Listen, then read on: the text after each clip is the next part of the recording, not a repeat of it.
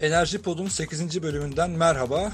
Bu hafta enerji uzmanı Eser Özdil ile görüşeceğiz. Rus Gazprom Enerji Şirketi'nin Türkiye'de spot ihale açması e, gerçekten dikkat çekici bir gelişme. Eser Bey, bu Gazprom'un Türkiye'de spot ihale açması ne anlama geliyor? E, merhaba İlker. Teşekkür ederim tekrar davet ettiğin için. Bu önemli bir gelişme diye ben e, düşünüyorum. Neden? Çünkü Gazprom'la BOTAŞ ve Gazprom'la özel sektör şirketlerinin ticari e, sözleşmelerine bakarsan bunlar e, uzun dönemli kontratlardı. Yani Gazprom'un Türkiye piyasasına yönelik gaz tedariki şu zamana kadar sadece uzun dönemli kontratlar çerçevesinde gerçekleşmişti ki bu açık söylemek gerekirse ağırlıklı olarak da Gazprom'un tercih pozisyonunda idi. Ancak e, ilk kez spot ihale düzenleyerek mal koşullar giriş noktasında Türkiye'ye gaz satması Gazprom'un bence Gazprom'un önümüzdeki döneme ilişkin Türkiye pazarına yönelik stratejisinde bir değişikliğe gideceğinin e, sinyalini veriyor. Sen de hatırlayacaksın biz 2015 yılında Rus uçağını düşürdüğümüzde 24 evet. Kasım 2015 tarihine yanlış hatırlamıyorsam e, o zaman e, kamuoyunda çok ciddi bir e, arz güvenliği tartışması başlamıştı.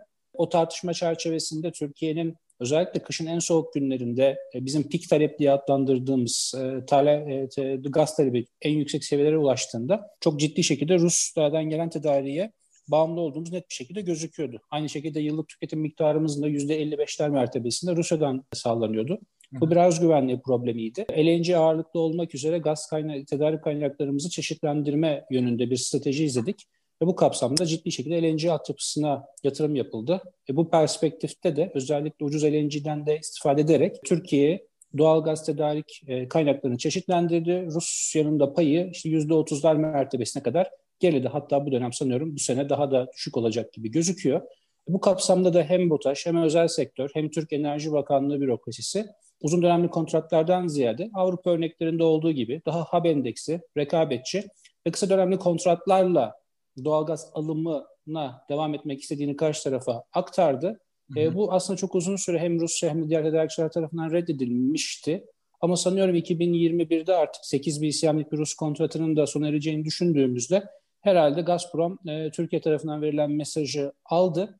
E, o da kendisine yeni ticari koşulları hazırlamak için ilk etapta bu ihaleyi açtı diye düşünüyorum. Sanıyorum önümüzdeki yıllarda hem miktar hem de e, ihaleye açılan nokta sayısı artacak. Ben o açıdan bayağı önemli görüyorum. Bu. Şuna bağlayabilir miyiz konuyu? Türkiye'nin enerji hub'ı olma hayali var, girişimleri var. Hayalden çok e, attığı somut adımlar var. Gazprom'un yaptığı e, bu hamle e, hacim olarak düşük ancak sembolik olarak e, Türkiye'nin bu girişimlerine destek verici bir nitelikte mi? Ya şöyle, şimdi e, açık söylemek gerekirse bu Türkiye'nin hub olma hedefiyle Gazprom'un pazarı kendi elinde tutma hedefi aslında birbiriyle çok örtüşmez.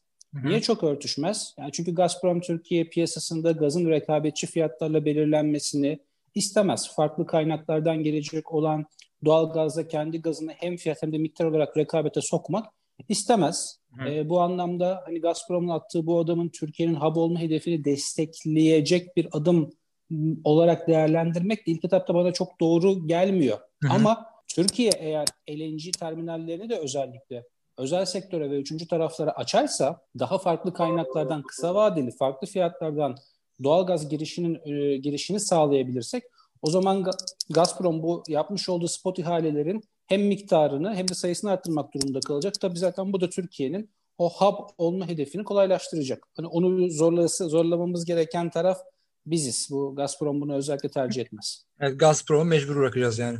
Ya bu çünkü Avrupa'da da böyle oldu İlker. Yani evet. e, günün sonunda hiçbir tedarikçi şirket e, pazar payını kaybetmek istemez. Yani şirketler doğası gereği aslında rekabet etmek de istemezler. Yani onlar evet. kendi pazar paylarını elinde tutmak isterler. Hocam Ama biraz da ona gelelim. Yaparsınız.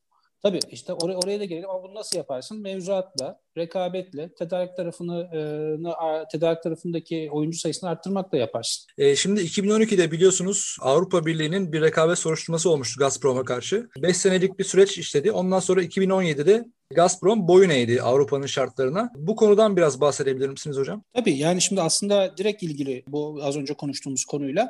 Ee, Avrupa Birliği biliyorsun 97 yılında birinci enerji paketini çıkarmıştı. İlk kez biz o birinci enerji paketiyle Avrupa enerji piyasalarının, doğalgaz piyasası da buna dahil serbestleşeceğini orada görmüştük. Daha sonra 2013'te ikinci enerji paketi, 2009'da da üçüncü enerji paketini çıkardı. Bunların hepsi kademe kademe Avrupa Birliği'ndeki enerji piyasalarını serbestleştiren düzenlemelerdi. Bu kapsamda Avrupa Birliği özellikle 3 tane konuyla ilgili gaz piyasasında çok ciddi şekilde alarm durumuna geçti. Bir tanesi e, bu Gazprom kontratlarında yer alan destination clause dediğimiz yani gazı teslim etme ettiği noktadaki sınırlamaları kaldırmasını istiyordu. Çünkü uzun dönemli kontratlarda gazı örnek vererek vermek için söylüyorum tamamen. Bulgaristan'a teslim ediyorsan bir Bulgar şirketi o gaz sadece Bulgaristan'da tüketilebiliyordu. Başka bir üçüncü taraflara bunu ihraç evet. etmen yani re-export etmen re-export, mümkün evet. değil. Evet, re-export etmen mümkün değildi. İkincisi e, kontratlar uzun dönemli, belirli aldığı ödü yükümlülükleri içeren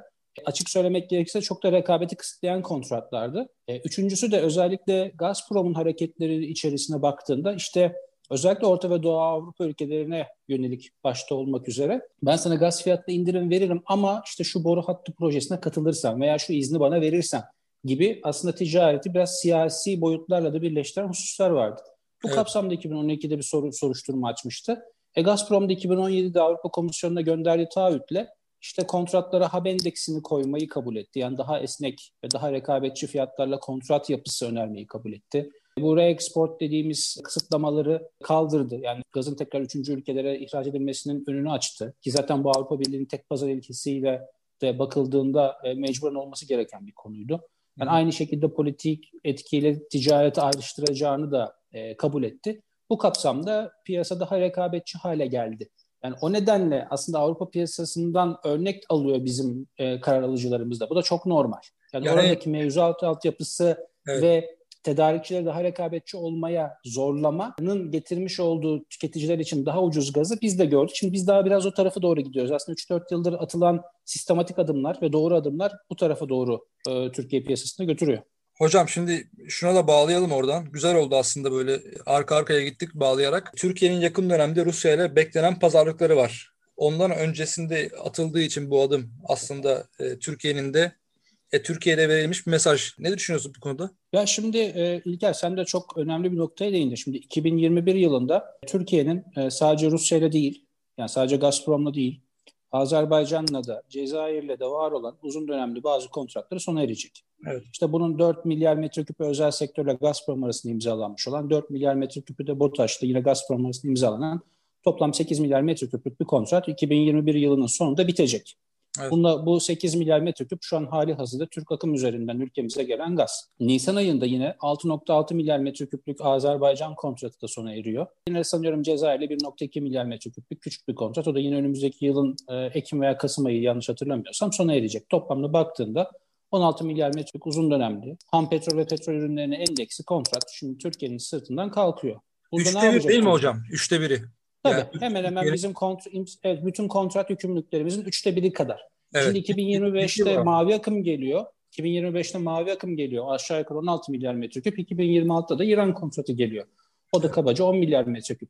Şimdi Türkiye önümüzdeki 5-6 sene içerisinde bütün tedarik kontratlarındaki yapıyı değiştirme durumunda karşı karşıya. Yani böyle bir fırsatı var elinde. Evet. Bu çok önemli bir fırsat. E, Türkiye'de çok uzun dönemden beri zaten daha esnek kontratlarla gaz ithal etmek istediğini karşı taraflara aktarıyor. Petrol ve petrol ürünlerine endeksi kontratlar yerine daha fazla hub endeksli kontratlar almak istiyor. EPH üzerinden kendi referans fiyatını üretmek istiyor.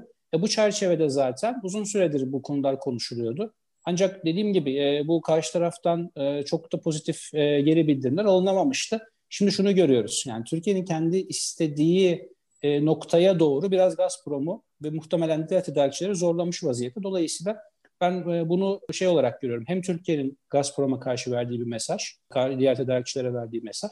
Bu mesaj çerçevesinde de e, Gazprom bence Türkiye'ye şunu söylüyor. Tamam diyor sen diyor spot, kontra spot e, fiyatlarla gaz almak istiyorsan daha kısa dönemli kontratlarla gaz almak istiyorsan ben de kendimi buna adapte edeceğim. Ben de bu şekilde senin piyasanda pazar payımı korumak için daha kısa vadeli, daha esnek kontratlara gaz vermeye devam edeceğim diyor bence. Bu bunun bir ön şeyi, işareti. Çünkü bu Malkoçlardan başladı. Yani burada şöyle bakmak lazım. Yani Türk, Rusya, Türkiye üç noktada gaz verebilir. Birincisi eski Trans-Balkan boru hattı dediğimiz Malkoçlar giriş noktası yani Bulgaristan üzerinden Türkiye'ye gelen boru hattı. Hı hı. Burada başlıyor. Bu atıl durumdaydı büyük oranda Türk akım yapıldıktan sonra. E seneye şimdi Türk akımın yarısı boşa çıkacak. Muhtemelen burayı Türk akım da eklenecek buraya. ve büyük ihtimalle 2025 sonrası mavi akım da yine tekrar buraya eklenecek. Ben onun için şey olarak görüyorum. Yani hem Gazprom Türkiye'nin pazarını biraz daha net anladı. Bence son iki yıldır aslında çok iyi ölçü, nabzı tutamamıştı bu anlamda. Pazar payını kaybetmesiyle daha net bir şekilde bunu gördü. Türkiye'de daha esnek kontratlara ilişkin olarak mevzuat ve ticari yapısını değiştirdikçe o da aslında tedarikçileri kendi istediği noktaya doğru çekmeye başladı. Bakalım yani dediğim gibi burada çok kritik olan nokta şu İlker yani bizim gibi ithalatçı ülkeler için fiyat çok önemli. Yani bu ilk yapılan ihalenin fiyatı şu an hali hazırdaki uzun dönemli kontrat fiyatının biraz üzerinde çıktı. Yani dolayısıyla hani fiyat konusunda şu an ilk ihale Türkiye'nin çok istediği gibi olmadı ama hani bu çok endişe duyacağımız veya kaygılanacağımız bir şey değil. Hı hı. E, bu ilk etapta operasyon olarak çalışıp çalışmayacağının görülmesi amaçlı benim anladığım kadarıyla e, test perspektifiyle bir şirket alım yaptı. Ama bunun çalıştığı görüldükçe bence fiyatlar da özellikle kontratlar bittikçe, uzun dönemli kontratlar bittikçe daha böyle biz de Avrupa haplarına yakınsayan veya oradaki fiyatlarla paralellik gösteren spot ihaleler biz de göreceğiz diye düşünüyorum. Hocam umarım Türkiye için daha iyi olur. Çok sağ olun katkı verdiğiniz için, katıldığınız için, vakit ayırdığınız için. Rica ediyorum. E, kendine iyi bak. Görüşürüz tekrar. Hocam görüşürüz sağ olun. Enerji Pod'un 8. bölümünün sonuna geldiniz, geldik. E, dinlediğiniz için sağ olun.